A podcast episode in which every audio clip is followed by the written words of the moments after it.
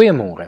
Die laaste 2 dae het ek met jou gepraat oor alarms wat in jou lewe afgaan.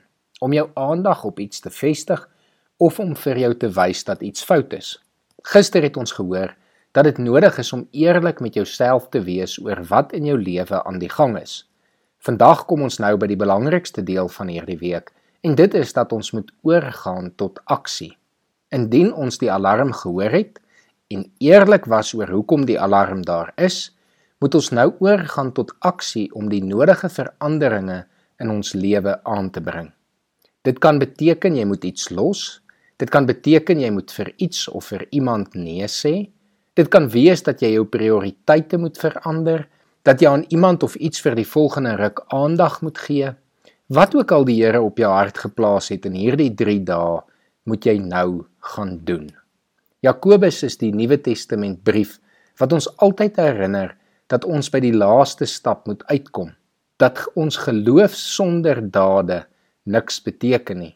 Dit is eers wanneer ons tot aksie oorgaan dat ons geloof werklik in werking tree. Ek lees volgens vir ons Jakobus 2 vanaf vers 14 tot 26 voor. Wat help dit my broers as iemand beweer dat hy glo, maar sy dade bevestig dit nie? Kan so 'n geloof 'n mens red.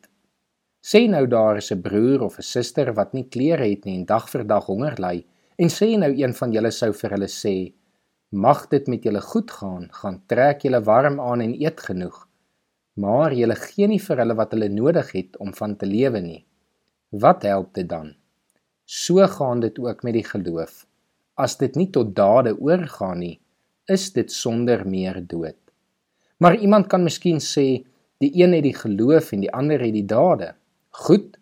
Wys dan vir my jou geloof wat sonder dade is en ek sal jou my geloof wys uit my dade. Glo jy dat daar net een God is? Dit is reg. Die bose geeste glo dit ook en hulle sidder van angs. Jou dwaas, wil jy 'n bewys hê dat geloof sonder dade nutteloos is? Ons voorvader Abraham het sy seun Isak op die altaar gelê. Is dit nie op grond van wat hy gedoen het dat God hom vrygespreek het nie.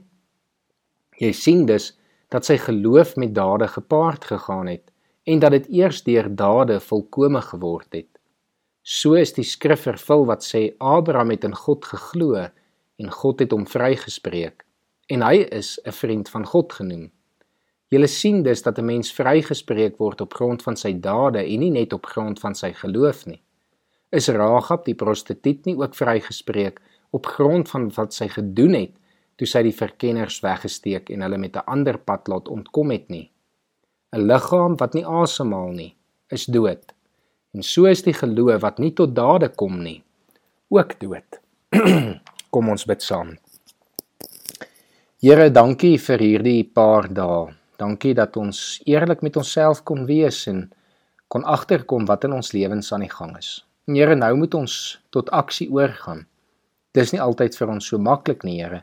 En daarom kom vra ons dat U ons sal help, dat U ons deur U Gees sal lei, dat U vir ons die weg sal wys, Here, en dat U ons sal help om die nodige veranderinge in ons lewens aan te bring.